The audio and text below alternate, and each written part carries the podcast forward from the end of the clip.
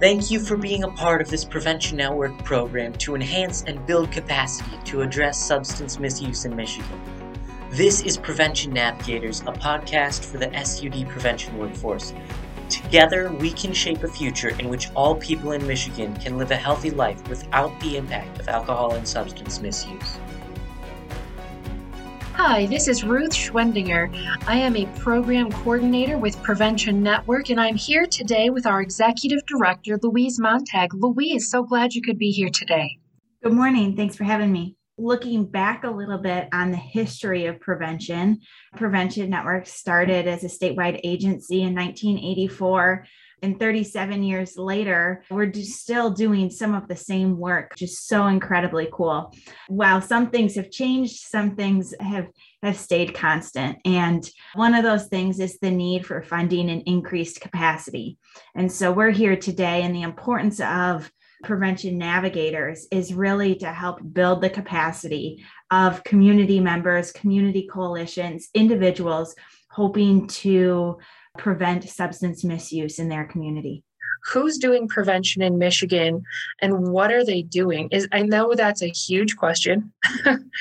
Great question. And it's really cool to see the partners at the state, national, and local levels all working together more so than ever before as we build our networks. And then there are different smaller community groups, local coalitions, maybe it's neighborhoods, grassroots groups, those individuals, youth coalitions, churches, and faith based groups, all these smaller entities that are really seeing something on the local level and trying to figure out how they can make an impact and prevention network is situated at a space where we are we're statewide but we really started as a group to to really support the grassroots the local efforts the individuals the the coalitions on their work and how can we connect and bridge that gap between state and national resources which might seem so big and mighty and and, and kind of far out there not so much boots on the ground.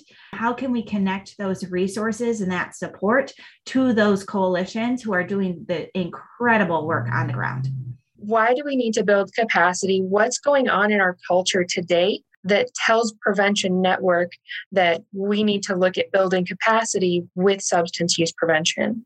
About a year and a half ago, our worlds as we knew it kind of shut down and everything changed in life. So, so the pandemic and and COVID really impacted people differently. Some communities were hit harder with the virus, and others didn't see it in the same way. But once we started, you know, kind of having to physically distance and shut down work from home, social media and and online the internet became the primary means of communication and networking. And so information and misinformation both spread at different speeds. And so i think that impacted a lot. And looking at how social media has impacted substance misuse how it's impacted other behavioral health practices.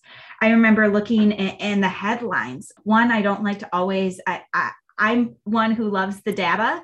Um, so I fall back on the data, not necessarily the headlines, but we did definitely see at the beginning of the pandemic.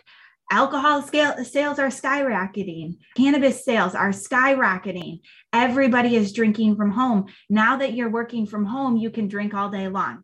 Now, whether that's true or untrue, it really depends on that population. And there's some other data. So I don't want to, I don't want to go down that that path necessarily. However, that is all to say that was put in everybody's face. And the thought pattern was everybody is doing this. And so norms are there and that can impact use that can impact misuse social justice come on the forefront I think we were we were at a point where we saw the uh, the video of George Floyd. We started to hear about the protests. There was action that wanted to be taken. The the Black Lives Matter movement picked up speed, and so I think there are a lot of different pieces at play, and how things are shared, how things are spreading. Behavioral health I'm not sure if people necessarily always had the resources and support because of the pandemic through all of this. I live in Lansing, Michigan. I work at a statewide agency and organization. I can't go to the Upper Peninsula and say, hey, this is what you need to do because this is what the data is saying. I can share this is what, you know, this is what the data says in your community, but I don't know your community. I don't know where you're at. I am not sure what your readiness is, or I may not know, and what you've tried in the past. So it's really going back to to the core of prevention. And so I go back to what I call the SPIF or strategic prevention framework. And the strategic prevention framework really starts with a needs assessment. The next one is building capacity, planning, implementing, and evaluating. And throughout all of that, we are looking at cultural competency and making sure that that is rooted in in every piece of the spiff i remember when i started the work a, a few years ago on college campuses as the MIHEN coordinator the michigan higher education network coordinator I, I, reached out to a school and said, Hey, I work on substance misuse prevention. I would love to connect with you. Uh, what are you doing in, in substance misuse? Uh, where do you want to go? What are your goals? How can I help you? And they said, We don't have a problem with substances on our college campus. No problem at all. I said, Oh, that's interesting. Okay, so what what challenges do you experience on campus? He said, We have a suicide issue. We have a, a mental health and suicidal ideation. That's what we need help with. And I said, okay, let's work on that because suicide prevention is substance misuse prevention and vice versa you can't you can't piece those two apart or pull those two apart. And so it's really taking a step back and saying okay so let's work with you where you're at. This is what's on your needs assessment. And as we do that maybe i can help build awareness on on issues of substance misuse on your campus and we can go from there. And that's really the capacity building. That's moving it to that next step. It's taking the needs that we find looking at the data looking at the background looking at the landscape the community. What resources do we need to build to get to that next step that planning and implementation steps? So the building capacity i'm talking about physical resources. I'm talking about the money because it takes money to do just about anything. We try to do prevention with very limited dollars. And I think we do a great job with what little we're given, but we do need funds to kind of make it effective. And so it's really looking at that individual level and figuring out, going back to the SPIF, and everybody can follow these same steps and come up with whatever works best for them we're looking to increase capacity and really meet people where they are and your example with with suicide prevention on college campuses with those those shared risk factors and those shared protective factors there's a very close link between suicide prevention and substance misuse prevention so i appreciate you creating that link for us through the conversation today i think that when you're initially talking about covid and youth prevention. Um, prevention has traditionally occurred in the schools or in after school programs or reaching out to students. And when when the pandemic hit and everything shut down prevention was especially hit hard. A lot of staff members working in prevention wear multiple hats and they were called out of their regular duties to help respond to covid pandemic whether that was involved in testing or reporting or data tracking. And so we've we've taken an especially hard hit with prevention and now we're looking downriver from that. We're seeing an, an increase in mental health issues in substance use disorder. And just like the medical tests and the medical exams that were delayed. And now we're seeing an increase in cancer rates. We're seeing an increase in heart problems and different health conditions.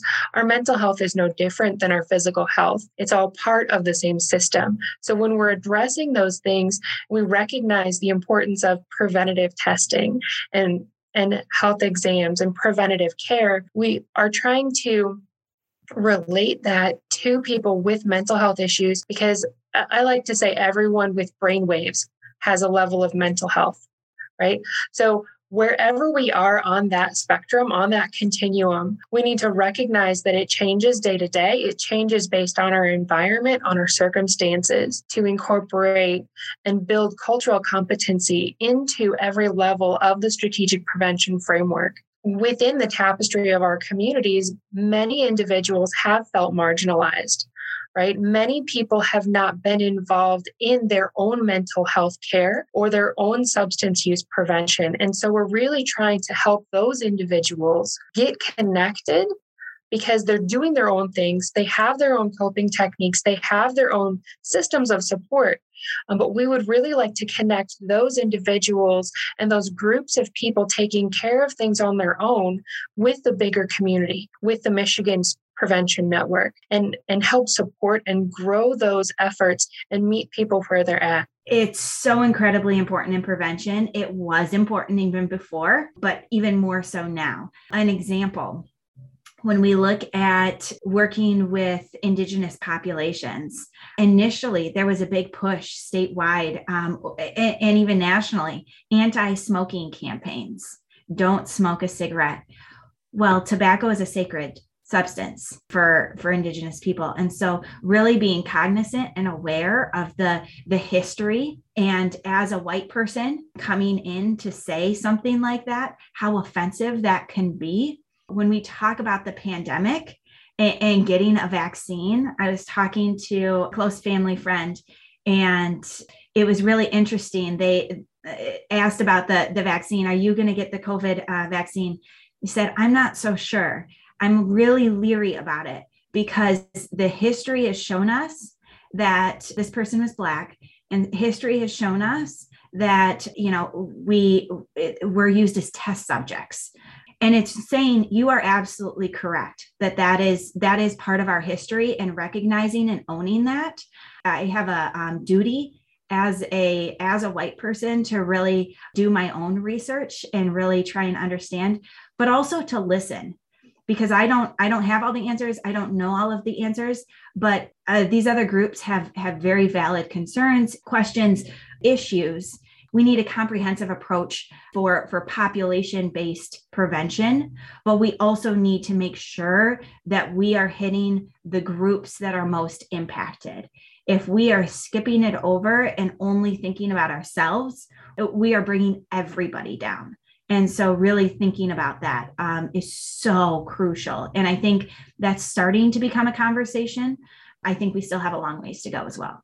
You talked about our a love for data and the mm-hmm. science behind things. When we're talking about needs assessments and cultural competency within those needs assessments, I think we need to take a different look at how we're collecting our information to make sure we're we're coming in with that that humble spirit because there is a lot of knowledge out there there are a lot of solutions in the communities we're not reaching with our current mental health system and substance use prevention systems across the state across the nation that's a challenge that i'm seeing and i would really appreciate your approach here where where they are. We're asking them what their problems are, what their solutions are, and finding ways we can come alongside and enhance that through our network. I just appreciate you taking your time today. Thank you. It was such a pleasure, Ruth, and I really enjoyed the conversation. We invite you to respond by getting connected, subscribe and listen, visit our online community, contact Ruth to participate in workshops or request one on one guidance about this month's topic. Email Ruth at ruths at preventionnetwork.org or call 517 393 6890.